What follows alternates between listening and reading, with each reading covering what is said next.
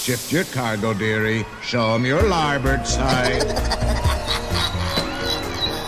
Ik heb persoonlijk kunnen vaststellen dat het paleis werkelijk een lust is. Final arrangements may be made at the end of the tour. Het is weer ochtend in Pretparkland. Goedemorgen pretparkland en welkom bij je ochtendelijke pretparkpodcast. Mijn naam is Erwin Daats en Dennis Jans en ik hebben het vandaag over Walibi Belgium.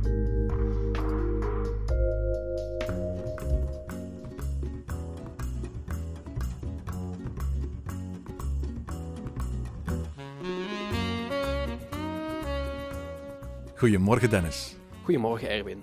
Zeg Dennis, we zijn de eerste week van mei in 2020. En als ik zo'n beetje kijk op de tijdlijn van Walibi Belgium en het grote transformatieprogramma dat ze ooit in juni 2017 hebben aangekondigd, dan betekent dat ongeveer dat wij eigenlijk ergens halfweg zijn in die grote transformatie. Ja, het plan is nu ondertussen zo'n uh, drie jaar geleden aangekondigd. En uh, misschien is het wel interessant om te kijken, nu dat plan ongeveer halverwege is. Het plan zou ongeveer tot en met 2023 duren. Om toch eens te kijken hoe dat plan tot nu toe al in zijn werk is gegaan. Ja, absoluut. Want in juni 2017 werden we uitgenodigd door Walibi Belgium. Hebben ze ons met een grote hijskraan 40, 50 meters boven het park gehezen. En daar kregen we een van de meest spectaculaire presentaties die ik ooit heb meegemaakt. Uh, in de jaren dat ik in, uh, in pretparkland bezig ben. Daar vertelde men dat men 100 miljoen euro ging stoppen in een totale transformatie. De verschillende themazones gingen allemaal op de schop en gingen vervangen worden door acht Worlds of Walibi. De figuren Wap en Skunks die eerder geïntroduceerd werden, die werden ook uitgewuifd. En men stelde eigenlijk een soort van meerjarenplan voor van nieuwe attracties, nieuwe themagebieden, grote aanpassingen. Met als ambitie van Walibi Belgium het grootste familiepark van België voor de hele familie maken. En we waren eigenlijk best wel onder de indruk van die plannen toen. Hè? Ja, en vooral eigenlijk ook omdat het zeer, zeer ongebruikelijk is binnen deze branche dat een park of een parkengroep in één keer met een grote klap een groot masterplan op tafel legt voor de komende jaren. Meestal worden dat soort dingen stapje per stapje onthuld en jaar per jaar opnieuw aangekondigd. Maar deze keer werd er in één keer zo'n gigantisch groot plan voor minstens zes jaar op tafel gelegd. Voor wie meer wil weten hierover, raad ik zeker aan om aflevering 70 van seizoen 7 vanochtend in Pretparkland nog eens te herbeluisteren. Misschien nog zelfs voor je verder gaat met deze aflevering. Want dat was de aflevering waarin we het uh, transformatieplan van Walibi Belgium hebben voorgesteld. Onder andere met interviews met Mark Guffes, marketingdirecteur van Walibi Belgium toen. En Jean-Christophe Parent, de algemeen directeur van het park. Nog steeds de algemeen directeur van het park. En wat opvalt is, is uh, in, als je beide interviews herbeluistert, is hoe zeker zij waren van een stuk. Die 100 miljoen die gingen uitgegeven worden. En, zegt Mark Guffes op een bepaald moment, er is geen weg terug. Zegt hij, we hebben dingen besteld, we hebben honderden dingen in gang gezet. We zijn hier al jaren mee bezig. Vanaf nu is het bij wijze van spreken, nu of nooit. We gaan beginnen straks in september met die plannen. Dan heeft hij het over september 2017. En we eindigen straks in 2022, 2023. En wat we vandaag voorstellen, dat is wat er zal komen. Ja, dat deed mij toen de tijd zeker al de wenkbrauwen heel even fronsen. Want het is natuurlijk wel een, een heel gevaarlijke uitspraak om daar meteen mee op tafel te komen.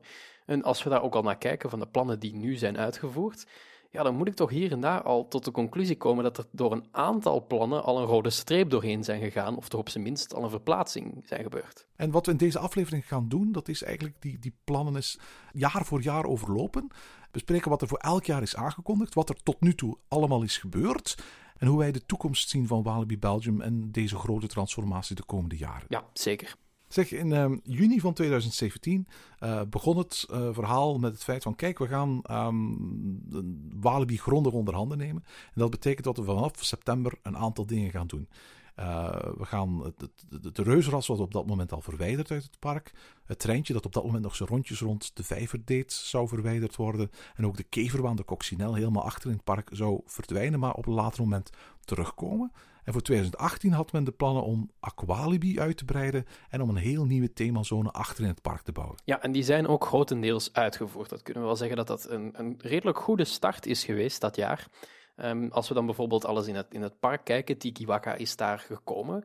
Dat is een, een, een vrij fijne familieachtbaan die misschien nog wel uh, miste, in, zeker in dat gedeelte van het park, maar ook nog wel een goede aanvulling is op het algemene aanbod van het park. En eigenlijk voor Walibi Belgium zijn doen best wel een indrukwekkend thema met zich meekregen. Een heel mooi themagebied er rond. Ja, ik moet eerlijk zeggen, want het is, het is, dat thema is uitstekend geslaagd. Ik had altijd gedacht van die hele felle kleuren, die, die typische cartoony tekenstijl uh, van Julien Berthevas, dus de uh, ontwerper die eigenlijk verantwoordelijk is voor dit project. Hoe gaat die passen in de natuurlijke omgeving van Walibi Belgium? Maar toen ik voor het eerst in het Exotic World kwam en, en zowel de, de, vrolijke muziek van um, hoorde uh, en eigenlijk zag hoeveel kleine details en, leuke elementen daar allemaal toegevoegd waren om die sfeer op te wekken, moest ik eerlijk zeggen, van dit is echt een, hele geslaagde zone. Ja, ik was zeker ook van de eerste keer vrij enthousiast. Ze hebben er ook wel heel wat aanpassingen aan gebracht, die daardoor ook het gebied wel een beetje geopend hebben. Want dat was ook wel nodig. Als je daarvoor al eens een keer in Walibi Belgium bent geweest, dan merkte je dat dat achterste gedeelte van het park, waar dan nog Challenge of Tutankhamun en de Coccinelle lagen, eigenlijk amper bezocht werd. Dat was niet zo heel veel te doen. En dankzij de visuele functie, onder andere van Tiki Waka, zijn er heel wat meer mensen naar de achterkant van dat park geleid. En is het daardoor nu ook een stuk drukker de hele dag in dat gebied. Ja, maar die drukte in dat gebied die heeft natuurlijk deels te maken met de capaciteit van Tiki Waka zelf natuurlijk. Ik geloof dat er niet eens 600 personen per uur in kunnen. Maar het is en een vrij nieuwe attractie en een achtbaan die zich richt op jong en oud. Los van Funpilot denk je dat alleen maar de Calamity Mine dezelfde hoogtelimiet heeft. Dat is een beproefde formule voor een drukke plek in het park, hè? Ja, en je zegt er nu wel iets over die lage capaciteit. Er zijn wel een aantal foutjes gemaakt die tot op de dag van vandaag niet zo goed begrijp. Nu, je weet bij dat soort type achtbanen, dat zijn lage capaciteitsachtbanen. Het zijn steeds karretjes van vier personen maximum die de hele tijd vertrekken. En we hebben die achtbaan bijvoorbeeld ook in Movie Park Germany staan, daar heet die van Helsing's Factory.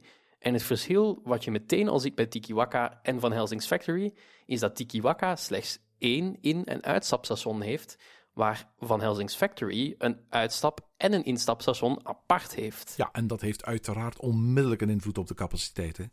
Enorm, enorm. En er zijn nogal wat, wat dingen op aan te merken. Namelijk in dat openingsjaar was er bijvoorbeeld ook geen single riders lijn aanwezig. Terwijl dat wel aanwezig is bij Pulsar bijvoorbeeld al, die er op dat moment al stond.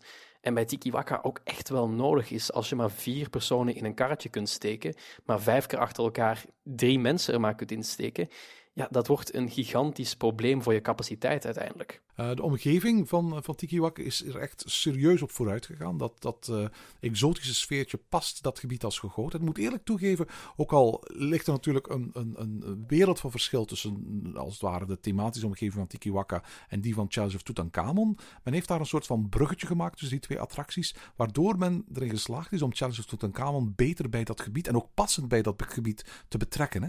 Ja, zeker. Ik had wel meer verwacht eigenlijk van de aanpassingen richting die attractie zelf. En nu is het zo dat in dat themagebied veel van de bepaling ook vervangen is door een nieuw bruin zandachtige kleur.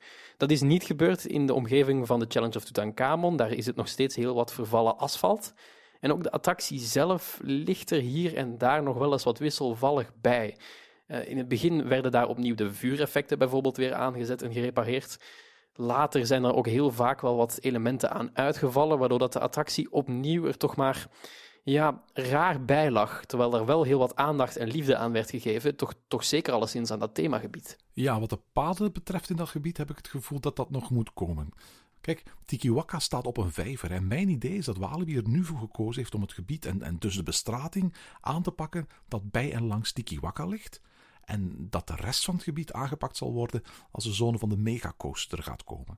Op de ontwerptekening van Julien Berteva voor dat gebied zie je dat er aan de andere kant van de vijver een nieuw restaurant met een terras aan het water komt, uh, met een pad dat bezoekers via uh, Challenge of Tutankhamon naar de brug voor Exotic World gaat voeren. En ik vermoed persoonlijk dat op het moment dat ze dat gaan uitvoeren, op dat moment ook dat pad zal worden aangepakt. Ik hoop eigenlijk ook dat ze dat theater daarbij opnieuw zullen gebruiken, want het is een beetje een rare zet om dat hele gebied rond het theater en het theater zelf een nieuwe look en feel te geven en het dan enkel te gebruiken tijdens Halloween, wanneer het een totaal andere look en feel moet uitstralen, namelijk de enge sfeer of toch de mysterieuze sfeer van Mystica die daar de afgelopen jaren heeft gedraaid. Maar goed, dat, dat stond nog ooit wel in de planning bij Walibi Belgium, heb ik me laten vertellen. Ik weet niet of ze het nu nog steeds willen uitvoeren, maar ik hoop wel dat dat ooit nog wel geïnstalleerd wordt, want dat zorgt er ook wel voor inderdaad dat zo'n gebied heel veel voller is en dat je daar veel meer tijd kunt besteden. Ja, absoluut. Een van de eerste dingen die ze gedaan hebben in dit project, dat is het afbreken van het treinspoor uh, rond uh, de vijver. Uh, helaas betekent dat ook dat ze het, de twee stations van het treinspoor hebben laten staan. Maar ik vind beide stations eigenlijk ja, zonder trein een beetje een vrat op een mooi gezicht. Ze zijn niet geherthematiseerd. Ze zijn voor de rest niet bijzonder mooi of, of, of sfeervol. En ja, het, het, toont in grote delen van, van, van, van het jaar gewoon dat er leegstand in dat park is op die manier. Ja, eh, ze hebben wel het geluk eigenlijk met die treinstations, en dat zal denk ik ook wel de reden zijn waarom ze er nog steeds staan, uh, dat ze niet functioneel in de weg staan. Ze zijn geen hindernis voor als je in dat park iets wilt bouwen nu momenteel. Tikiwaka is er volledig langs gebouwd bijvoorbeeld. Uh, en het andere station, wat dichter bij de ingang staat bijvoorbeeld, wordt wel nog degelijk gebruikt, maar dan voornamelijk tijdens Halloween bijvoorbeeld als een nieuwe Blood Bar en de ingang voor de House of Silent Jill het afgelopen jaar. Maar ja, die, die, die treinstations staan daar inderdaad als een soort ja, herinnering aan de geschiedenis die nooit is weggehaald. En ik vraag me af hoe lang ze er nog gaan blijven. Zeker dat treinstation wat in de buurt van dat Exotic World staat, aangezien het totaal ja, niet binnen het thema van dat gebied is. En ja, ook geen functie eigenlijk kan uitvoeren. Dat gebouw is daar veel te klein voor. Ja, absoluut. In de ontwerpschetsen van Julien Bertheva zie je ook dat, dat het, het station netjes is weggehaald. Uh, ik, ik snap dat dat een, een, extra kost is die bij wijze van spreken uh, je als je bezig bent met transformeren liever in andere dingen gaat stoppen. Maar het is de kers op de taart als je ook dat soort lelijke leegstaande gebouwen kunt, kunt weghalen. Vooral omdat ik ook niet geloof dat men zelfs met Halloween iets in dat station bij Tikiwaka gedaan heeft. Nee, absoluut niet. Dat stond, uh, afgelopen jaar bij Halloween stond dat leeg, maar stond er dan bij het, het pad er naartoe, wat vroeger dan gebruikt werd richting de ingang en de uitgang, uh, was dan wel nog een kampvuurtje. Dus ze hebben er wel nog iets lichts mee gedaan, maar dat is uiteraard niet de bedoeling van zo'n gebouw. Dat moet daar eigenlijk gewoon wel weg. Het tweede deel van de plannen dat Walibi Belgium had aangekondigd voor 2018 en die ook in 2018 zijn opgeleverd, die hadden allemaal te maken met Aqualibi. Hè? Ja, en in dat uh, waterpark eigenlijk wat net naast het park ligt, zou een nieuw kindergebied bijkomen van toch een serieuze oppervlakte. 700 vierkante meter, als ik me niet vergis. Uh, ja, dat zou best wel eens kloppen. Ik heb de cijfers nu niet voor me liggen, maar uh, ik ben er wel een paar keer binnen geweest. Dat is best wel een groot kindergebied. Maar het is niet mooi, hè? Nee, dat is meteen een probleem inderdaad. Het is groot. Het is niet echt per se mooi. Het is niet echt gethematiseerd. Je kan het eigenlijk zo in je lokale sportoase of zwembad of wat dan ook plakken eigenlijk. En die, die kindertoestellen die zijn zeker wel leuk voor de doelgroep. Die zal zich daar uh, een fijne tijd amuseren. Maar ze nemen zoveel kostbare ruimte voor Aqualibi in beslag. Ja, absoluut. Overigens, uh, de uitbouw is, heeft er wel voor gezorgd dat ze een vrij fraaie uh, herthematisering van de buitengevel hebben, hebben, gedaan. Die, die beter past bij wat daar stond dan, dan hoe het vroeger was. Maar ik, ik, geef eerlijk toe dat ik die kinderzone ontzettend le lelijk vind. En het straalt ook op geen enkele manier ook maar iets van Walibi uit. En wat ik gedacht heb van, we weten allemaal dat men nieuwe figuren wil introduceren. Die wappen, die skunks, die moeten weg. En men heeft ondertussen al intern een, een nieuw ontwerp van, van, van de kangoeroe klaar. En ja, wat ik dacht is van, ja, waarschijnlijk willen ze gewoon uh, op een bepaald moment een nieuwe kangoeroe daar plaatsen. En dat nieuwe thema daar introduceren. Dus hebben ze dat maar geopend zonder veel thema. En dan kan dat op een later moment daarin geïncorporeerd worden. Ik hoop dat je gelijk hebt, want ik weet niet helemaal zeker of het ook zo gaat zijn. Aangezien de andere aanpassingen die naast dat kindergebied zijn geweest dat jaar in Aqualibi, is eigenlijk een relatief grote herthematisatie van het, het zwembad zelf. Er zijn wat nieuwe geveltjes aangebracht en zo. Eh, er zijn ook wel wat dingetjes uitgeschrapt geworden. Er zou bijvoorbeeld een grote boot moeten komen in het midden van het zwembad. Eh, die is er nooit gekomen. Uh, maar er zijn wel stappen gezet in een nieuwe tropische sfeer daar neer te zetten. En dan krijg je opnieuw weer dat nieuwe kindergebied, dan, wat dan als nieuw wordt gepresenteerd aan de gasten. Maar wat eigenlijk nog steeds wel zo kaal als een witte muur is. En omdat die kinderzone zo groot is, hebben ze een uitbreidingsmogelijkheden naar de toekomst toe echt wel beperkt. Hè? Ja, en er, er stond in het plan nog ergens in de verre toekomst nog wel eens nieuwe glijbanen gepland voor Aqualibi. Ik heb alleen zo'n geen idee meer waar ze het ongeveer gaan zetten. Want aan de achter van de ingang eigenlijk van Aqualibi, daar ligt de parkeerplaats. Daar kun je in principe wel wat van afsnoepen, maar dan wordt het heel moeilijk om dat erin te proppen en het één logisch geheel te laten geven. Aan de linkerkant van het park ligt de Cobra, aan de rechterkant ligt de ingang van het park. En aan de voorkant ligt nu dat nieuwe kindergebied en daarna kom je eigenlijk al meteen in het meer terecht. Ja, door te kijken wat de toekomst brengt. Hè? Laten we eens naar uh, 2019 kijken. Wat was er voor vorig jaar aangekondigd? Wel, uh, men had een, een, cruciale en men noemde het ook symbolische verandering gepland. Namelijk, men ging de volledige entreezone veranderen. De kassas gingen weg. Er zou een open ingangsplein komen met een grote W, de W van Walibi, waar je doorheen zou lopen aan de ingang. En die ingangszone, dat, dat was iets helemaal nieuws, zou voor iedereen toegankelijk zijn. Dus je hoefde geen kaartje meer te kopen om de ingangszone te betreden. Uh, er gingen elektronische betaalkassas komen. Uh, er ging voor iedereen toegankelijke horeca en, en merchandise komen. En het idee daarvan was, als ouders bijvoorbeeld hun kinderen gingen oppikken na een dagje Walibi, dan konden ze gewoon parkeren en konden ze eventjes gewoon iets drinken, iets eten, eventjes door de shop gaan wandelen. Eigenlijk zou dat een vrij toegankelijk gebied zijn dat min of meer jaar rond, of tenminste alle dagen dat Aqualibi open is, toegankelijk zou zijn. Daarnaast waren er ook nog plannen voor Karma Worlds, een uh, herthematisering van de oude Alibaba-zone met de Cobra, uh, met de Raja River. En daar zou een nieuwe interactieve dark ride komen, Popcorn Revenge. Een interactieve dark ride met karretjes van ETF rides. Dus denk maar aan uh, Symbolica, uh, denk maar aan Challenge of Tutankhamon. Met decor en interactiviteit van, van Alterface, uit Waver trouwens. En daarnaast zou ook het kindergebied een metamorfose ondergaan. Er zou een nieuw horecapunt komen en een nieuwe kiddiecoaster van Sierer, de Fun Pilot. En bovendien zou een van de oudste uh, horecaplekken van het park, de oude Nestor, zoals die vroeger heette in kuifje-tijden, de Pizza Solo, zoals die nu uh, wordt genoemd, helemaal veranderd en vernieuwd worden. Het is het uh, pizza-restaurant eigenlijk dat heel centraal gelegen is in het park. En dat zou met een nieuw Festival City-thema, een beetje New Orleans-achtig, carnavalesk Mardi Gras-thema heropenen. Ja, een hele waslijst eigenlijk aan uitbreidingen, veranderingen en nieuwe thematisaties. Uh, en Walibi noemde het inderdaad al een, een, cruciaal jaar, maar ze kwamen er toch al vrij snel achter dat dat toch misschien iets te veel hooi op de vork was voor het park. Want de ingang werd bijvoorbeeld al vrij snel niet meer genoemd in de plannen voor 2019 en blijkt toen ook uitgesteld te zijn voor 2020. Uh, daar later meer over, jammer genoeg. De uitbreidingen voor Karma World en Fun World die zijn uiteindelijk wel nog goed doorgegaan. Maar de veranderingen voor Pizza Solo, die zijn helemaal niet meer uitgevoerd. En sterker nog, daar heb ik ook niets meer van gehoord wanneer dat die dan wel zouden moeten worden uitgevoerd. Nee, absoluut. Die, dat, dat Pizza Solo project lijkt gewoon totaal van de kaart uh, geveegd te zijn. En uh, we hebben het daar in een eerdere aflevering nog in Pretparkland al over gehad. Het, het uh, nieuwe restaurant dat in Karma World geopend was, dat was al niet zo'n heel erg groot succes.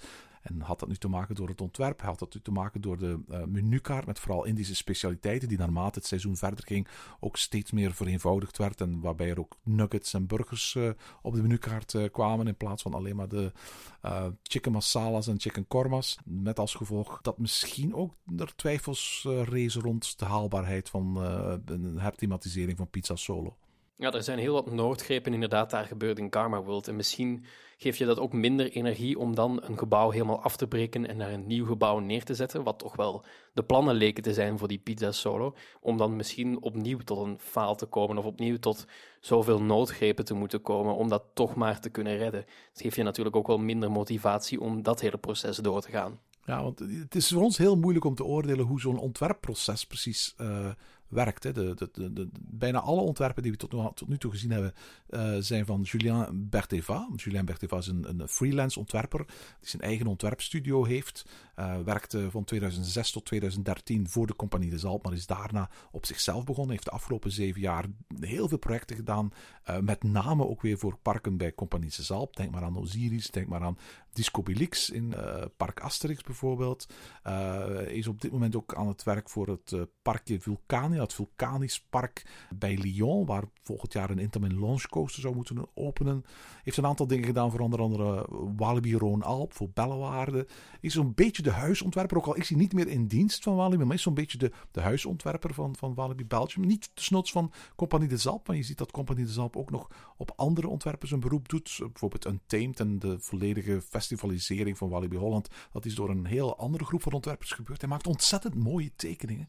Maar soms vraag ik me af in hoeverre die allemaal even haalbaar zijn en praktisch vanuit logistiek en operationeel oogpunt. Gelukkig hebben we ook nog wel hier en daar een aantal tekeningen gezien met eigenlijk meer een soort architecturaal plan van het park en een aantal aanduidingen met dingen die bijgebouwd zouden moeten worden en zouden moeten gesloopt worden.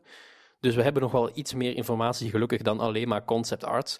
Maar het interessante is eigenlijk ook wel dat die Julien ook wel een hele invloed begint te hebben op al die parken. Als dit hele plan ooit helemaal uitgevoerd is, dan is toch zeker een 70% van dat park helemaal van zijn hand getekend. Ik vind dat wel een vrij bijzondere ontwikkeling waar niet zo heel erg veel aandacht voor is. Nee, absoluut. Het is ook een, een, een nobele onbekende in, in, eh, in pretparkland. Ook al is het zo dat hij al pakweg een, een jaar of 15 bijna een, een behoorlijke invloed heeft op heel veel parken bij ons in de buurt. Zelfs ook in Bellewaarde bijvoorbeeld. Ja, misschien moeten we die eens proberen om voor een microfoon te krijgen. Ja, absoluut. Als je de schetsen van Berteva bekijkt en vergelijkt met de uitvoering, dan moet je zeggen van uiteindelijk is het grotendeels geworden wat er op dat moment uitgetekend is. Uiteraard in elk ontwerpproces gebeuren veranderingen. Gaat men op een bepaald moment besluiten om bepaalde dingen niet uit te voeren, bepaalde dingen anders uit te voeren. Uh, maar grotendeels is die, die, die Karma World opgeleverd zoals de ontwerper het getekend had. Hè? Ja, maar het grappige is eigenlijk wel dat toen in 2017 deze plannen werden aangekondigd, dat er eigenlijk helemaal geen ETF Dark Ride werd aangekondigd, maar eigenlijk een soort draaiend theater wat we wel kennen als Historama in Europa Park of de Carousel of Progress bijvoorbeeld. Dat werd daar origineel eigenlijk aangekondigd, is daar nooit gekomen. Dus het lijkt wel een beetje een last-minute beslissing om daar toch voor dat nieuwe concept van Alterface te kiezen. Uh, maar voor de rest, inderdaad, de thematisaties zijn daar wel grotendeels doorgevoerd zoals ze daar getekend zijn. Ik weet trouwens niet of dat wel helemaal klopt hoor. Ik, ik, ik denk dat op dat moment Alterface nog volop in de ontwikkeling zat van, van hun Popcorn Revenge project. En dat het eigenlijk altijd de bedoeling was uh, om, om daar als het ware een soort van testcase voor hun Popcorn Revenge erratic ride te gaan bouwen. Uh, alleen was het misschien zo dat op het moment van de, van de onthulling van, van de plannen, men zelf nog niet 100% wist van wat het eindresultaat van die attractie zou, zou worden. Ik geloof ook persoonlijk, en dat zijn heel veel geruchten die ik gehoord uh, heb in verband met Popcorn Revenge, dat Popcorn Revenge eigenlijk een soort van model case is voor die erratic dark ride. Met andere woorden, dat Alterface op zoek was naar een park waar ze er eentje konden bouwen, zodat ze andere geïnteresseerde parken konden laten zien wat hun technologie mogelijk maakte. En dat het ook betekent dat een groot deel van de bouw van uh, die attractie ook bekostigd is, niet door Walibi Belgium, maar bekostigd is door Alterface zelf. Uiteraard de buitenthematisering, dit is betaald door Walibi Belgium, uiteraard het gebouw, dat stond er uiteindelijk al. Maar alle geruchten wijzen erop dat de attractie zelf eigenlijk gewoon voor een groot stuk eigenlijk bekostigd is door Alterface.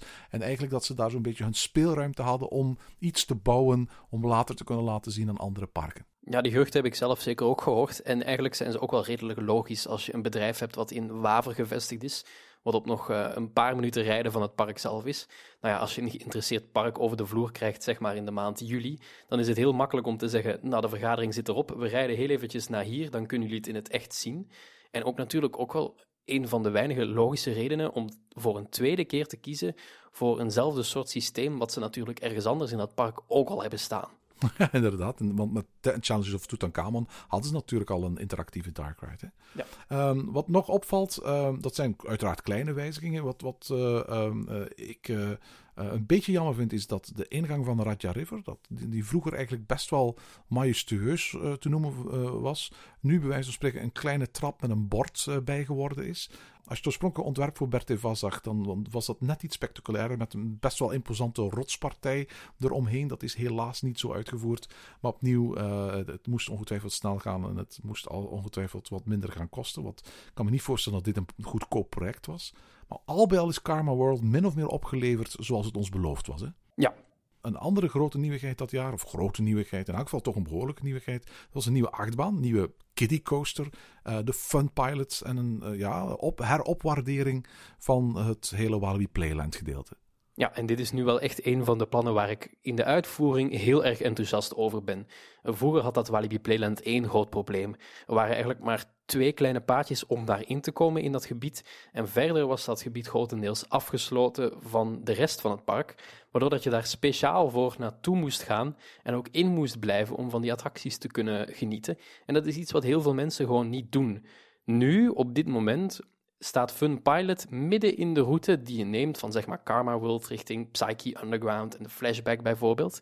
Wat ervoor zorgt dat je een bocht naar links moet maken, waardoor attracties als bijvoorbeeld het Paleis van de Geest, maar ook alle kinderattracties van dat vroegere Playland veel meer bezoekers krijgen. En je merkt ook dat het hele seizoen door het een stuk drukker was in Fun World dan dat het vroeger in Walibi Playland ooit was. Hè? Ja, zeker. Het heeft een beetje meer van die uh, speeltuin look en feel. Misschien niet per se qua thematisatie, alhoewel daar wel wat elementjes van in zitten. Maar meer zoals we bijvoorbeeld ook zien in een park als Toverland, waar bijvoorbeeld dan een grotere mechanische attractie staat en wat uh, speel- en klimgerij, waar dat kinderen uh, lustig op en neer rennen tussen die twee verschillende dingen en zich echt een grote tijd kunnen amuseren in dat gebied eigenlijk. Dat effect van die achtbaan is enorm daar. En de achtbaan is, is uiteraard eh, niet voor ons bedoeld. Maar ik moet eerlijk toegeven, ik vind Fun Pilot een ongelooflijk toffe achtbaan. Die bovendien ook behoorlijk soepel is en eigenlijk perfect voor de doelgroep gekozen. Ja, zeker. En ik denk ook dat ze daar ook wel lichtelijk de inspiratie van bijvoorbeeld als een, een barnyard coaster in de Disneyland parken hebben gehaald. Uh, het heeft een beetje zo dezelfde look en feel en het speelse karakter. Het is een beetje gethematiseerd naar een bedrijf wat zijn post bezorgt met vliegtuigjes. Dus je ziet in de wachtrij ook wel een aantal postpakketten staan en kraten die dan bijvoorbeeld naar Exotic World moeten gevlogen worden. Dus die link met de rest van het park zit daar ook nog eens een keertje in. Ik ben best wel tevreden over deze upgrade zeg maar, van dit gebied. Maar ondanks al die nieuwigheden zagen we dus in 2019, vorig jaar, al de eerste ja, scheurtjes en barsjes ontstaan in dat grote transformatieplan. Toen dus bleek dat zowel dat restaurant als dat grote ingangsgebied niet de update, de verandering kregen die oorspronkelijk waren aangekondigd. En als je, als je dat al ziet, letterlijk één jaar nadat de plannen volop gestart zijn, dan, dan, dan begin je met een bang hartje te kijken naar wat komt. Hè? Ja, en uiteindelijk bleek het scheurtje ook wel groter te worden. Het is niet op tijd gerepareerd, denk ik, want aan het einde van dat jaar, op eh, de Fendag die Walibi Belgium tijdens Halloween jaarlijks organiseert, werd er eigenlijk wel een, een grote baksteen door de ruit van dat plan heen gegooid. Want voor het jaar erna, in 2020, stond dan uiteindelijk die uitgestelde vervanging van de ingang gepland en een hele upgrade voor het westerngebied van het park met een nieuwe Mac watermolen. Die plannen zijn allemaal volledig uitgesteld. Die zouden niet meer uitgevoerd worden in 2020, waardoor er eigenlijk een jaar tussen komt waarin dat er geen nieuwe uitbreidingen zouden zijn in dat park. Ja, en dat is op zich wel heel opvallend, want we hebben schetsen gezien van dat, dat nieuwe western gedeelte. Ik neem ook aan dat die, die, die uh, twist and splash molen van Mac al aangekocht was. Voor alle duidelijkheid, dat is zo'n combinatie van een theekoppenmolen en een splash battle attractie eigenlijk. Je vindt er zo eentje in, uh, in Slaghaar in Nederland en in, in Blackpool hebben ze er eentje met, met, met um, Spongebob thematisering. En je kon je gaan afvragen van waarom stelt men dit uit? Overigens was ook de bedoeling om, om de Gold River Adventure dat jaar een, een grote opknapbeurt te geven. Het zou een vulkaanthema krijgen, waaronder uh, vlakbij het station de bouw van een aantal grote rokende vulkanen aan de oevers van het meer. En er zou ook heel veel decor in het westerngebied bijkomen. Dus het volledige westerndorpje dat ooit als Lucky Luke City geopend is, zou, zou volledig opgeknapt worden en, en opgewaardeerd naar een niveau dat vergelijkbaar was met het Tikiwaka gedeelte en het Exotic World gedeelte en het Carmel World gedeelte. Um, in 2018 hadden ze uh, als excuus gegeven waarom uh, het kassagedeelte, dus het nieuwe ingangsgebied, niet zou opgeleverd worden, dat de tijd tussen de sluiting van het seizoen en de opening van het nieuwe seizoen niet voldoende was om hun plannen volledig te realiseren. Een jaar later gaven ze daar geen echte nieuwe reden voor waarom dat, dat niet gerealiseerd werd. Maar uiteraard, de tijd tussen de sluit van het seizoen en, en de heropening van het seizoen zal altijd even groot blijven. Dus met andere woorden, dat excuus kun je niet blijven gebruiken, tenzij het nooit gaat bouwen natuurlijk. Ja, uiteraard. En als we het hebben over dat westerngebied, dat was nu wel echt een van de gebieden die zo'n upgrade en een likje verf dringend, maar dan ook heel dringend nodig had. Zeker een gebied rond Calamity Mine, de mijntreinachtbaan van Vekoma die daar ligt. Daar zaten echt wel grote stukken aan een verval in. En ook wel de gebouwen die in dat hele westerngebied liggen, die konden wel weer een nieuw likje verf gebruiken. En ik vraag me ook wel af naar wanneer dat deze plannen zijn uitgesteld. Want ik vermoed niet dat ze voor 2021 zullen zijn. Daar zullen we zo dadelijk nog wel op terugkomen, maar daar staan grotere plannen voor gepland. Maar voor wanneer gaat het dan wel zijn? Want er zijn nog een aantal gebieden die ook wel zo'n likje verf kunnen gebruiken, die iets later in dit plan komen.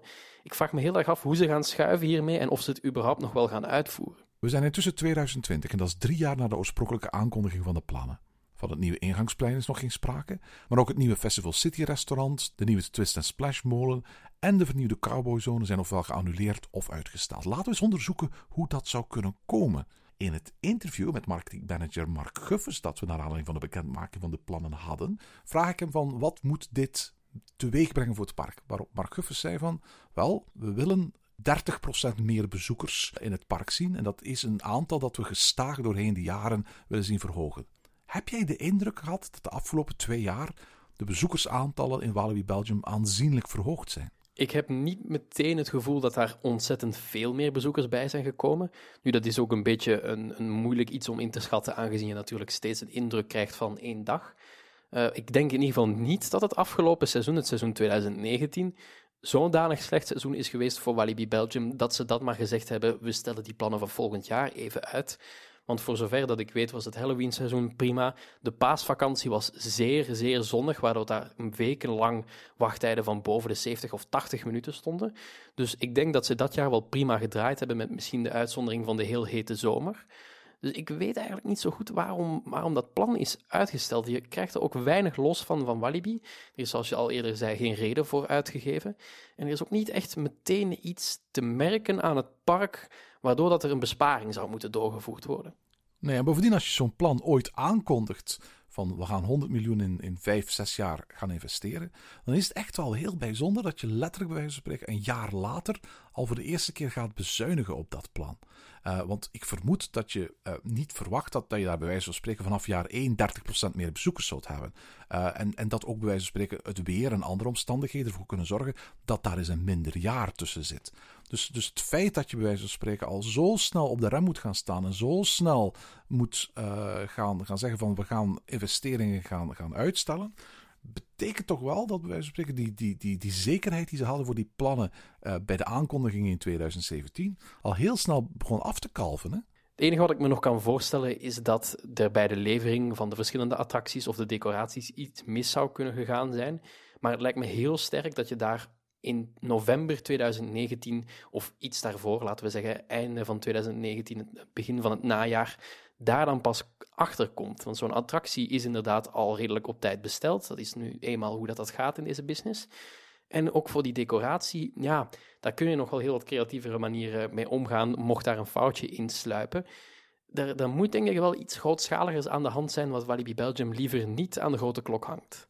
Ja, bovendien is het natuurlijk ook zo dat zelfs al was het zo dat dat de reden was, dan zou je zeggen van oké, dat betekent dat er nu budgettaire ruimte komt om een aantal van de plannen die we tot nu toe hebben uitgesteld. Denk maar aan het niet herthematiseren van die pizza solo, denk maar aan het niet herinrichten van dat uh, ingangsplein, om dat op dat moment wel uit te voeren. Maar nee, ook op die plannen werd niet teruggekomen. Het is niet zo dat men op een bepaald moment ging zeggen van we doen die, die attractie niet, maar we gaan dan wel die dingen die we vorig jaar of het jaar daarvoor niet gerealiseerd hebben, nu wel realiseren.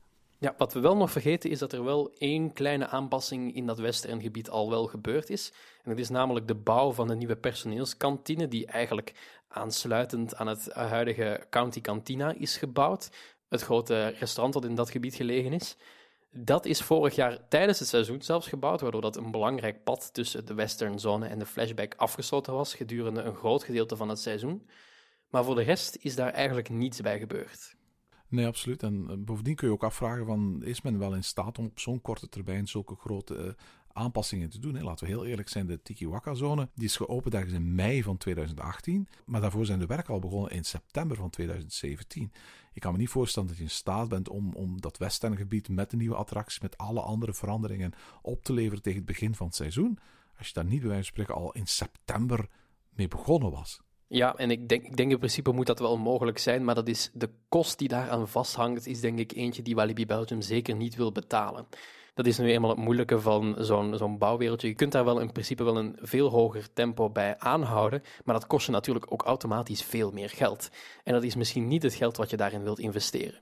Nee, absoluut. Dat is ook de reden waarom in Disneyland Parijs vaak projecten vele langer duren dan ze zouden moeten duren. Gewoon omdat het natuurlijk veel goedkoper is om een bouwproject over veel langere periodes te gaan spreiden dan op een heel compacte tijd uit te voeren. Hè. Nu goed, het, betekent dus dat al bij al in 2020 het park er zo'n beetje op dezelfde manier bij gaat liggen als vorig jaar. Of vergis ik me daarin? je zegt het nu wel, maar er zijn wel een paar hele kleine subtiele aanpassingen gebeurd. Nu, we weten al dat um, Walibi Belgium de oude WAP en Skunks buiten wil gooien. En die hebben dat ook al een klein beetje gedaan door zeker een aantal verwijzingen in dat park langzaam bij beetje te gaan verwijderen. Dus een aantal kinderattracties in dat oude Playland, wat nu Funworld heet, hebben nu eigenlijk een nieuwe naam gekregen. En dat is eigenlijk meestal gewoon de oude naam, maar dan zonder wap of skunksfiguren daarin. Ja, want al die kinderattracties in Funworld, die, die hadden tot vorig jaar eigenlijk de naam van Phoebe's Bubble Swirl en uh, Haas Garage en Skunks Tour, Skunks Airlines, Squad Stunt Flight, Zenko's Graffiti Shuttle. En eigenlijk hebben ze al die, die namen daarvan weggehaald, hè? Ja, en eigenlijk is dat ook wel een proces wat al een tijdje bezig is in dat park. Hoor. Die wap en skunks kwamen steeds minder naar voren.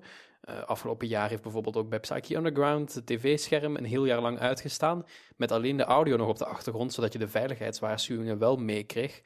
Dus dat leek ook al meteen als een move om zo heel langzaam afscheid te nemen van die WAP en die skunks. Maar als je kijkt op de website van Walibi Belgium voor dit jaar, staat nog altijd Tempo Attack als, als 4D-film in het 4D-theater aangekondigd natuurlijk. En bijzonder, dat theater, daar is in die, dat hele transformatieplan van Walibi nooit enige vorm van sprake van, hè? Nee, en eigenlijk lijkt me dat ook wel ergens een beetje een logische keuze als park. Er zijn daar heel veel attracties waar je een aanpassing aan kunt maken en die dat ook nodig hebben. Maar dan lijkt me zo'n 3D-theater dan niet meer het hipste om in te investeren. En ook nog wel relatief duur om zo'n film te produceren. Maar denk je dan dat het gaat sluiten of zo? Want zelfs op schetsen van bijvoorbeeld dat, dat nieuwe voodoo-restaurant zie je duidelijk dat in elk geval de vorm van dat gebouw er nog altijd staat. Ja, misschien dat ze daar nog wel een ander doeleinde voor vinden, maar ik denk niet dat we dat gaan zien verdwijnen. Ik denk dat zolang dat die attractie zal kunnen draaien, dat hij dat ook zal blijven doen. Zolang die niet zo oud wordt als Pandadroom was bijvoorbeeld, zal dat ding er blijven staan. in elk geval hoop ik dat het niet nog een theater is in het park dat leeg komt te staan, want dat zou wel zonde zijn. Ja, dan hebben ze al twee van die dingen in het park staan. Dat is niet de enige attractiesoort die ze dan twee van hebben. Nu, laten we eens uh, kijken naar volgend jaar, 2021, want dat was eigenlijk het grote centrale jaar waar alle achtbaanliefhebbers naar aan het uitkijken waren. Hè? Want voor 2021 had het park ongelooflijk veel plannen. Uh, de grootste, het grootste project van allemaal, eigenlijk het grootste project van de totale uh, transformatie, was de komst van een nieuwe grote megacoaster in de huidige VIP-zone. Dus de, plek eigenlijk waar de VIP-tenten stonden voor de privéfeesten die Walibi Belgium regelmatig organiseerde. een coaster van Intamin, die de snelste en hoogste coaster van de Benelux moet worden. Uh, 50 meter hoog, 113 km per uur. En dat zijn op dit moment dus records die in handen zijn van, van Goliath wat betreft de hoogte. En van Fury en Bobby Island wat betreft uh, de, snelheid. Uh, 1200 meter lang, dus ongeveer dezelfde lengte als Goliath in, in Walibi Holland. En dat zo in een totale Afrikaanse themazone komen. Uh, een themazone waar ook een Afrikaans restaurant bij zou komen aan het water. Uh, gelegen eigenlijk vlak naast de Challenge of Tutankhamon. Uh, in die Afrikaanse themazone zou ook een kinderattractie komen. De Zamperla Barnstormer uit Funworld zou daarna verhuizen. Dat is de, de, de huidige stuntflight attractie. Dat is zo'n toren met twee armen waaraan dan twee busjes naar boven en naar beneden gaan. Die zou dan daar verplaatst worden en geherthematiseerd binnen dat Afrikaanse gedeelte. Maar ze hadden nog veel meer plannen. De vampire zou worden aangepakt. Uh, verbonden worden met de weerwolf via een pad dat dan onder de weerwolf gaat. Men zou een hele wereld van New Orleans gaan bouwen met voodoo-thema onder de werknaam Festival City. En centraal zou daarbij eigenlijk zo'n beetje op de plek waar vroeger het reuzenrad stond, de keverbaan terugkeren. Dus de oude coccinelle, maar dan in New Orleans thema. Dat is wat oorspronkelijk aangekondigd staat voor 2021 ja, een hele waslijst aan uh, toevoegingen opnieuw.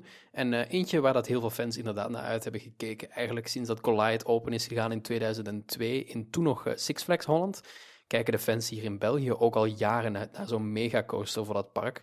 Dat is een attractie die er echt met kop en schouders bovenuit steekt en die iedereen zal kunnen linken aan dat park. Waar iedereen meteen denkt, Walibi Belgium, dat is van die achtbaan. Ja, absoluut. Want ik, ik, ik uh, hou ontzettend van Walibi Belgium. Ik vind Walibi Belgium een heel erg tof park.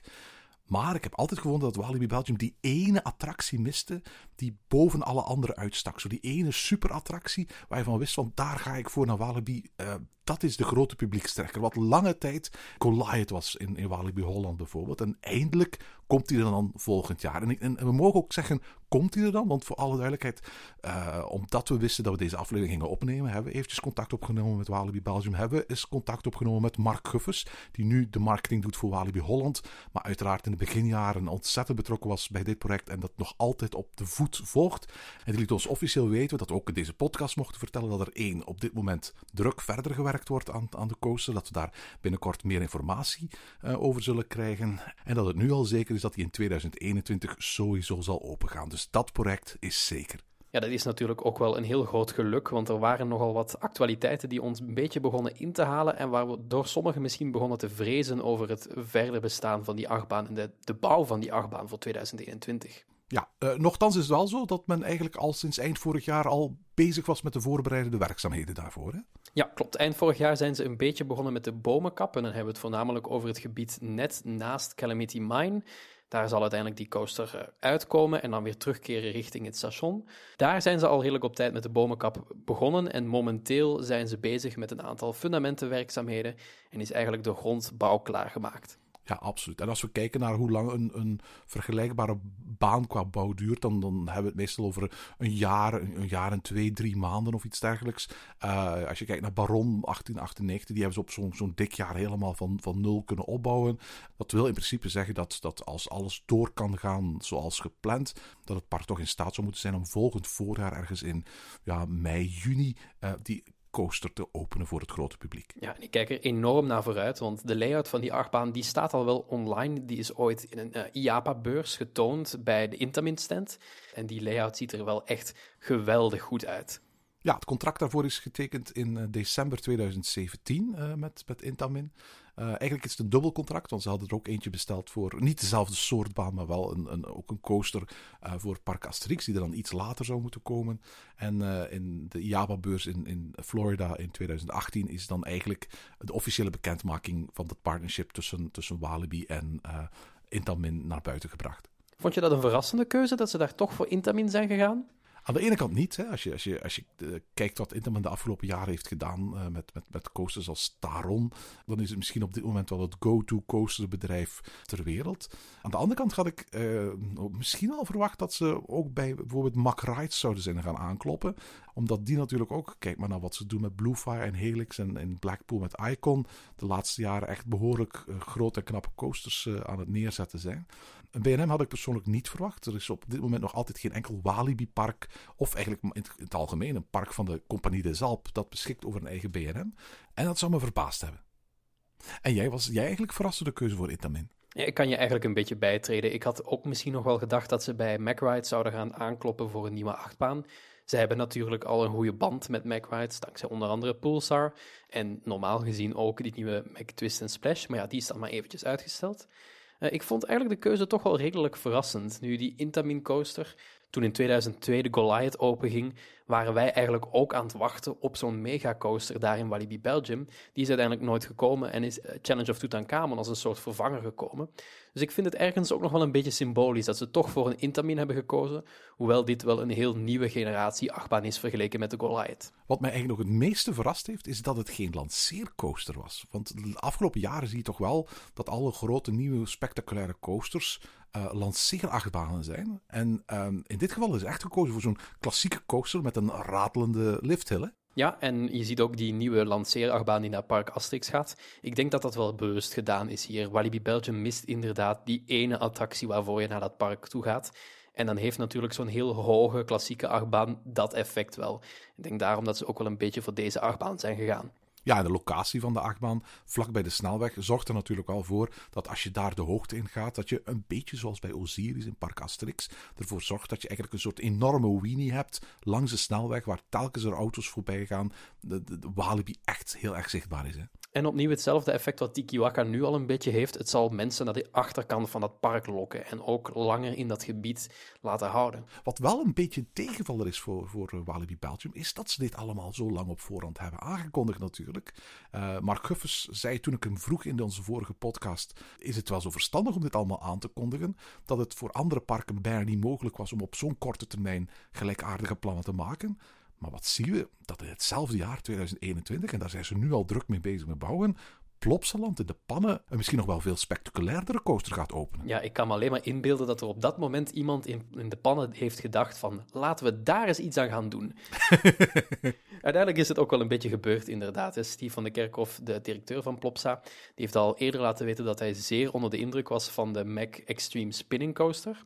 En daar staat er momenteel maar eentje van op de wereld en die staat in de Verenigde Staten in Silver Dollar City. En uh, hij was zeer onder de indruk, zei hij. En daarom heeft hij die coaster ook nog daar aangekocht. Nu, wat ik daar wel bijzonder aan vind, is dat die achtbaan, denk ik, veel makkelijker te marketen is als iets spectaculairs. Kijk, dit hier is een spectaculaire achtbaan, daar niet van, die naar Walibi Belgium gaat komen. Maar het is een eerder klassieke achtbaan, of toch voor de gemiddelde bezoeker zal dit als een klassieke, hoge, spannende achtbaan uitzien. Maar als je zo'n beelden ziet van dan een achtbaan die ook nog eens draait terwijl die een spectaculair parcours aflegt, dat lijkt me denk ik voor een, de marketingafdelingen toch wel veel interessanter. Interessanter, ja, maar tegelijkertijd misschien zelfs moeilijker. Want denk je niet bij wijze van spreken dat de coaster die straks in de pannen gaat komen een veel intenser coaster gaat worden dan de coaster die Walibi Belgium van plan is te bouwen? En dat voor het doelpubliek van Plopsaland zo'n intense coaster misschien zelfs moeilijker te marketen gaat vallen dan, dan de coaster die Walibi Belgium wil openen? Ik weet het nog niet helemaal zeker of die intenser zal zijn. Je ziet wel een paar cijfers in dat filmpje met de layout van de coaster van Walibi Belgium over de airtime-momenten en de G-krachten die je zult ervaren. Dat zijn geen malse cijfers. Dus ik denk zeker dat deze twee coasters met elkaar kunnen wedijveren. Maar ik denk ook dat hier qua marketing ook een regionaal verschil is. Kijk, mensen die bijvoorbeeld in Gent wonen, die zullen de keuze hebben als ze een dagje uit willen in een weekenddag om te kiezen tussen Walibi Belgium en Plopsa, om het maar heel even kort te zeggen. En wanneer Plopsa voor mensen uit Gent toch al ietsjes dichterbij is, en dan ineens een coaster opent die misschien nog wel mooier en heftiger uitziet dan die in Walibi Belgium, dan denk ik dat voor die mensen de keuze wel snel gemaakt zal zijn. Goed, maar Vlaanderen is groter dan Gent natuurlijk. En voor heel veel mensen in, in, uh, in Vlaanderen, van Limburg tot Antwerpen tot, tot Vlaams-Brabant, uh, tot zelfs het zuiden van Oost-Vlaanderen, is Walibi Belgium natuurlijk dichterbij dan Plopsaland. Hè? Ja, absoluut. En ik, ik, weet niet helemaal hoe dit gaat uitwerken. Ik hoop dat er een beetje een, een competitiestrijdje ontstaat, want daar worden wij als fans natuurlijk uiteindelijk alleen maar beter van. Maar ik denk wel dat deze coasters met elkaar kunnen wedijveren en uh, een cool, cool gevecht kunnen maken. Zoals ik al vertelde, komt er een Afrikaanse themazone uh, rond het gebied. Voor alle duidelijk, het gebied is een, een, een, nieuw stukje park dat eigenlijk toegevoegd wordt aan Walibi. Het is een plek dat, behalve als je als, als VIP-groep een, een arrangement reserveerde, uh, niet toegankelijk was voor de gewone bezoeker. Um, er komen twee bruggen over de Dijlen, uh, dus de rivier die door Walibi stroomt. En vandaar ga je eigenlijk naar een soort van pleintje. En op dat pleintje uh, komt aan de ene kant het station voor de nieuwe coaster. Aan de andere kant uh, de herthematiseerde Stuntflight kinderattractie. Dus die Zamperla Barnstormer. die ze dus gaan uit de Funworld halen en, en naar daar plaatsen. Maar ook interessant, er komt ook een groot Afrikaans restaurant bij het meer waar ook Tikiwaka ligt. Hè? Ja, en dat is eigenlijk ook wel een beetje broodnodig in dat gebied nu. Daar ligt nu op dit moment één echt horecapunt, maar dat is een uitgiftepuntje tegenover het station van Tikiwaka. En daar kun je onder andere cocktails krijgen en ook wat popcorn en nachos en zo, maar geen echte maaltijden. En dat is op dit moment nog wel een groot mankement van dat gebied. Want je zult daar in de toekomst zeker een hele tijd kunnen verblijven. En als je daar iets wilt gaan eten, dan moet je toch al teruggaan richting het cowboydorp. Ja, niet alleen in de toekomst. Hoor. Ik was er laatst met Halloween. En dan heb je op dit moment en Tikiwaka en Mystica en de Octopus en Challenge of Tutankhamon. Als je die dingen gaat doen, dan ben je snel twee, drie uur ergens aanwezig in dat park. En dan heb ik nog niet gesproken over de coaster die er volgend jaar bij komt. Maar er was zo goed als geen horeca aanwezig. Nee, en er is veel kans, denk ik, daar wel als je daar lang blijft hangen. Kijk, niet iedereen gaat die grote achtbaan ingaan. En zeker als we over Halloween spreken, niet iedereen gaat de spookhuizen ingaan, die daar ook nog wel een beetje in de buurt liggen. Dus dan heb je altijd nog wel publiek dat ergens even wilt gaan zitten en een drankje wilt gaan doen of misschien iets kleins wil eten. Overigens, mijn felicitaties voor Walibi Belgium uh, voor het idee om de Stuntflyer-attractie, um, een heel eenvoudige kinderattractie, te verplaatsen naar dat gebied. Um, dat is iets wat te veel parken over het hoofd zien. Uh, namelijk dat gezinnen vaak niet met z'n allen samen in zo'n grote, enorme megacoaster gaan. En dat het dan fijn is om voor de andere kinderen in het gezin ook iets te hebben om te doen. Uh, dat is bijvoorbeeld een manco die ik bijvoorbeeld altijd bij, bij Baron 1898 heb, heb gevonden. Je hebt daar die coaster, maar onmiddellijk in de buurt heb je bijna alleen maar andere coasters. En als een, een, een familie met, met kinderen die, waarvan bijvoorbeeld de, de, papa en de dochter samen Baron gaan, maar de mama en het te kleine zoontje kunnen dat niet, dan zit er eigenlijk weinig anders op dan wachten. Het is heel tof dat ze eraan gedacht hebben om op zijn minst daar één attractie te voorzien waar dan ondertussen kinderen ook gebruik van kunnen maken. Ja, zeker. En de Efteling heeft nog wel meer problemen met invulattracties die we hier gelukkig niet hebben. Want er zijn meer dan genoeg kinderattracties in het eh, park. Er zijn zelfs twee kindergebieden, dus daar kun je makkelijk een attractie uithalen en even verplaatsen naar misschien een iets logischere plek.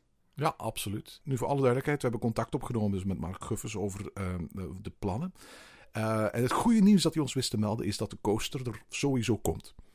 Maar hij had ook slecht nieuws. De huidige crisissituatie noopt Walibi uiteraard om de dingen op een andere manier te gaan bekijken. En hij liet weten dat alle investeringen die nog niet gecommit zijn, dus waarvoor nog geen contracten ondertekend zijn, binnen de CDA-groep en dus ook voor Walibi Belgium, zo logisch mogelijk herschikt zullen worden met prioriteit op guest experience en vernieuwing. We weten dat Compagnie Zalp heeft aangekondigd dat ze gaan proberen om voor dit jaar alleen al 30 miljoen aan nieuwe investeringen uit te sparen. En dat ook voor de komende jaren men in plaats van een uh, beleid van investeren naar een bedrijf van consolidatie en besparing zullen gaan ik vermoed zo'n klein beetje dat dat betekent dat de andere plannen waarvan daar straks spraken, dus namelijk de nieuwe voodoo-zone rond de vampire en de, de, de weerwolf, eh, de, misschien zelfs de terugplaats van de keverbaan in New Orleans, ook al hebben ze natuurlijk die keverbaan wel staan, dus dat is misschien maar een beperkte kost, dat daar niet veel sprake meer van zal zijn. Wat denk jij? Ja, bij mij gingen ook wel een beetje de alarmbellen af. In de achtergrond klinkt dit bij mij een beetje als: ik zal kijken wat ik voor je kan doen. Wat eigenlijk zoveel betekent als nee, waarschijnlijk gaat dit niet meer doorgaan. En ik denk voornamelijk dat investeringen die in dit plan stonden, die voornamelijk een luxe probleem oplosten, zoals bijvoorbeeld dat pad tussen de weerwolf en de vampire, of esthetische problemen oplossen, namelijk nieuwe themagebieden aanbrachten, dat die zeker wel on hold gezet zullen worden.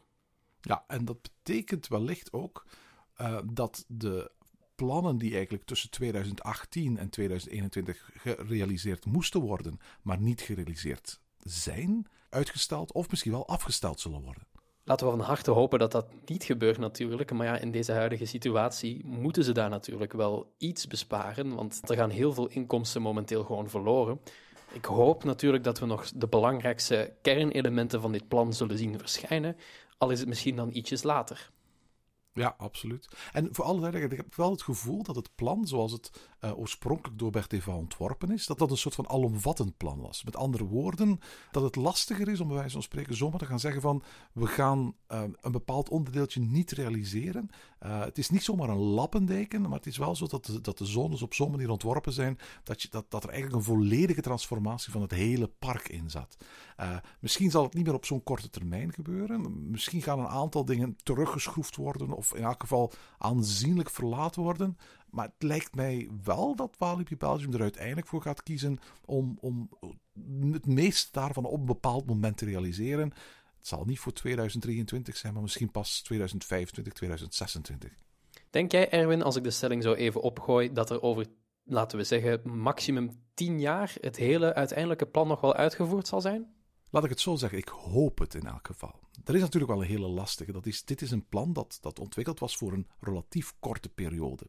En binnen zo'n korte periode, als je het geld hebt of als de leningen binnen zijn, dan is het natuurlijk wel zo dat zoiets uitvoerbaar is, omdat je op dat moment weet van we gaan ons vijf jaar lang echt concentreren op dit transformatieplan.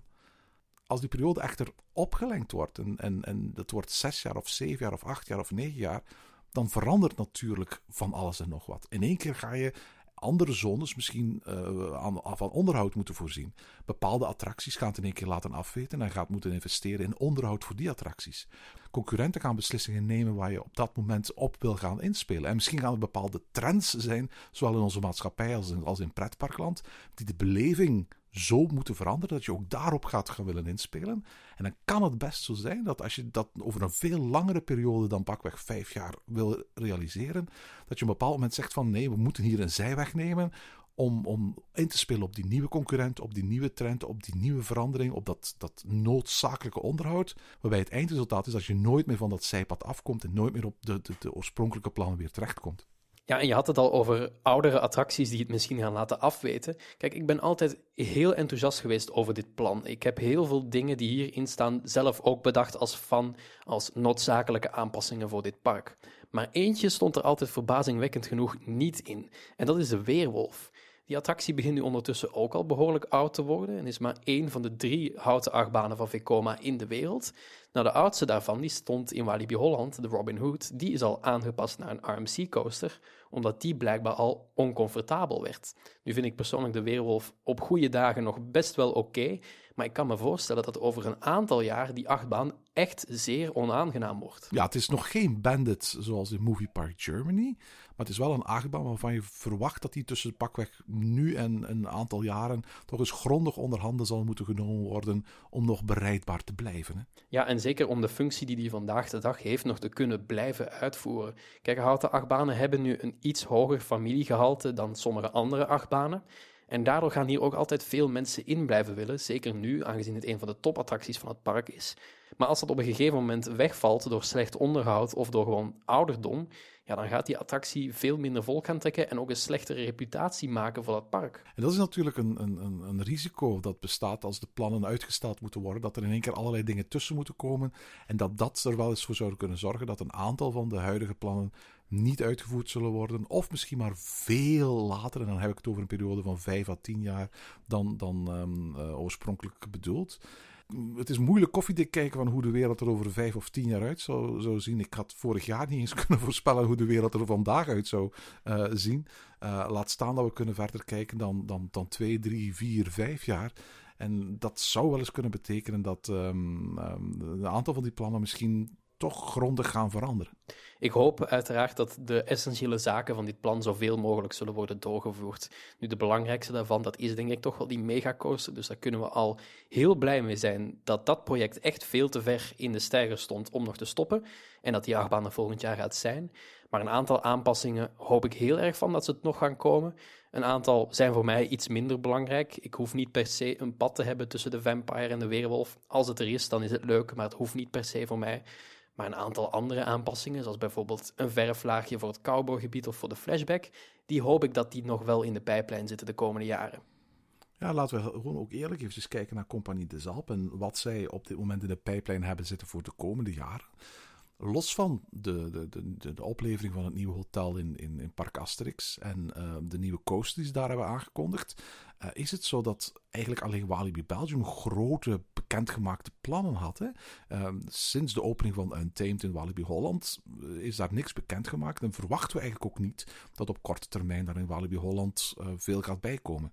Uh, Bellewaarde opent later dit jaar Wakala, maar ook na de opening van, van die coaster verwacht ik niet dat we de eerstkomende jaren veel nieuws gaan zien in, in, in Bellewaarde. Zeker als we horen dat de knipper op moet gaan en dat men binnen Compagnie de Zalp juist op zoek gaat naar besparingen in plaats van naar investeringen. Eigenlijk het enige plan waarop je kunt gaan besparen als je Compagnie de Zalp bent, zo'n beetje, als het aankomt op uitbreidingen en nieuwigheden, dan is het dat plan van Walibi Belgium, hè? Ja, ik denk het ook wel, inderdaad. En ook als je kijkt naar uh, de plannen van Walibi Rhône-Alpes, het andere parkje wat ook nog van Compagnie des Alpes is, dan zie je dat daar ook al een aantal investeringen zijn geweest het afgelopen jaar. Zoals bijvoorbeeld Mystic, de nieuwe achtbaan daar. En dat dat park er nu ook al stukken beter bij ligt dan een aantal jaren geleden. Dus er zijn niet meer zo heel veel parken van Compagnie des Alpes die in zo'n gigantische transformatie zaten. Tenminste, toch niet iets waar wij weet van hebben. Laten we eens kijken wat op de tafel lag voor 2022. Daar was de bedoeling om de Pulsarzone door te trekken naar Psyche Underground en de Flashback. En het zou een soort havengebied worden aan het water. Uh, met een soort industriële look en feel die we nu een beetje kennen uit het gebouw van Pulsar. Die op dat moment ook doorgetrokken zou worden. Dus naar die uh, Psyche Underground en naar de Flashback. En bovendien was er ook een, een nieuwe attractie aangekondigd uh, voor het uh, ja. Of voor achter het westerngebied eigenlijk op de plek waar vroeger de Inferno stond. Dus die oude Enterprise. En er was een, een Skyfly attractie van Gerstlauer. Dat is zo'n vliegtuigjesattractie zoals een paar jaar geleden ook in Duineral is verschenen. waarbij je in een vliegtuigje zit op een molen. En dan kun je zelf bepalen hoe snel je draait en hoe vaak je over de kop gaat. Ik heb het gevoel dat we van die plannen, zeker voor 2000 2022 niet veel meer hoeven te verwachten. Ik kan me bijna niet voorstellen dat men in tijden van besparing gaat zeggen van we gaan één, uh, daar nog een nieuwe attractie plaatsen. En jaren dat we een nieuwe coaster hebben gebouwd. Laat staan dat ze dat hele gebied gaan herthematiseren rond Psyche Underground, de Flashback en de Pulsar. De thematisering vrees ik ook wel een beetje voor. En de attracties, dat wordt denk ik ook wel moeilijk. Tenzij dat al een van de dingen zijn waar al een contract voor is getekend. Nu denk ik niet helemaal dat dat per se al zal moeten voor een attractie die over twee jaar zou moeten openen. Maar ja, voor de thematisatie vrees ik zeker. En dat zou ik enorm jammer vinden. Want zeker een attractie als de Flashback kan dat heel dringend gebruiken. Dus we zitten nu ongeveer halverwege het oorspronkelijke plan. De wereld ziet er uiteraard anders uit nu dan op het moment dat het plan bekendgemaakt werd. Maar los van wat er nu op dit moment gebeurt, is natuurlijk al zo, en dat hebben we net al gezegd, dat er behoorlijk veel andere plannen al eerder uit de plannen geschrapt zijn. Als je die dingen weglaat en ervan uitgaat dat een boel van de aangekondigde dingen de komende jaren wellicht ook geschrapt of uitgesteld zullen worden, heb ik er een beetje een heel dubbel gevoel bij. Aan de ene kant kijk ik ontzettend uit naar die megacoaster die volgend jaar komt. En ben ik ontzettend blij dat we volgend jaar aan een hele grote coaster in Waver gaan zien.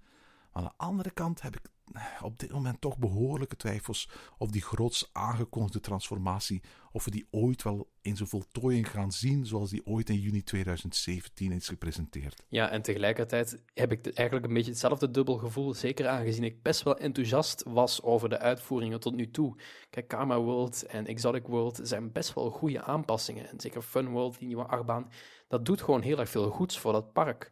Maar het zou heel erg jammer zijn als we over een aantal jaar te zien krijgen dat dat plan maar in bepaalde gebieden is doorgevoerd en in sommige delen dan weer niet. En dat je daardoor weer een groot verschil zult zien tussen de verschillende parkdelen. Het zou heel erg jammer zijn als de huidige situatie ten koste gaat van dat park uiteindelijk en dat dat een soort situatie blijft die we nog jaren zullen zien. Ja, en dat is na het nieuws van vorige week dat Compagnie de Zalp zo sterk zal proberen te besparen, zowel op de werkingsmiddelen van 2019-2020 als op die van 2020-2021, dan heb ik geen schrik voor die toekomst van Walibi. Want Walibi is een, is een, is een sterk genoeg merk en een, en een goed genoeg park om er uiteindelijk wel doorheen te komen.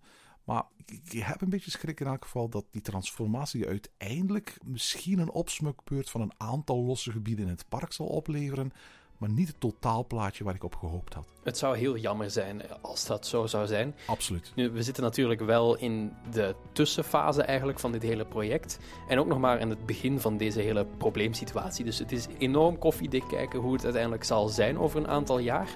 Maar laten we hopen dat dit plan uiteindelijk nog wel zo goed mogelijk naar omstandigheden zal worden uitgevoerd. En tot zover deze aflevering van Ochtend in Pretparkland. Heb je vragen of opmerkingen? Mail ons dan via ochtend.pretparkland.be.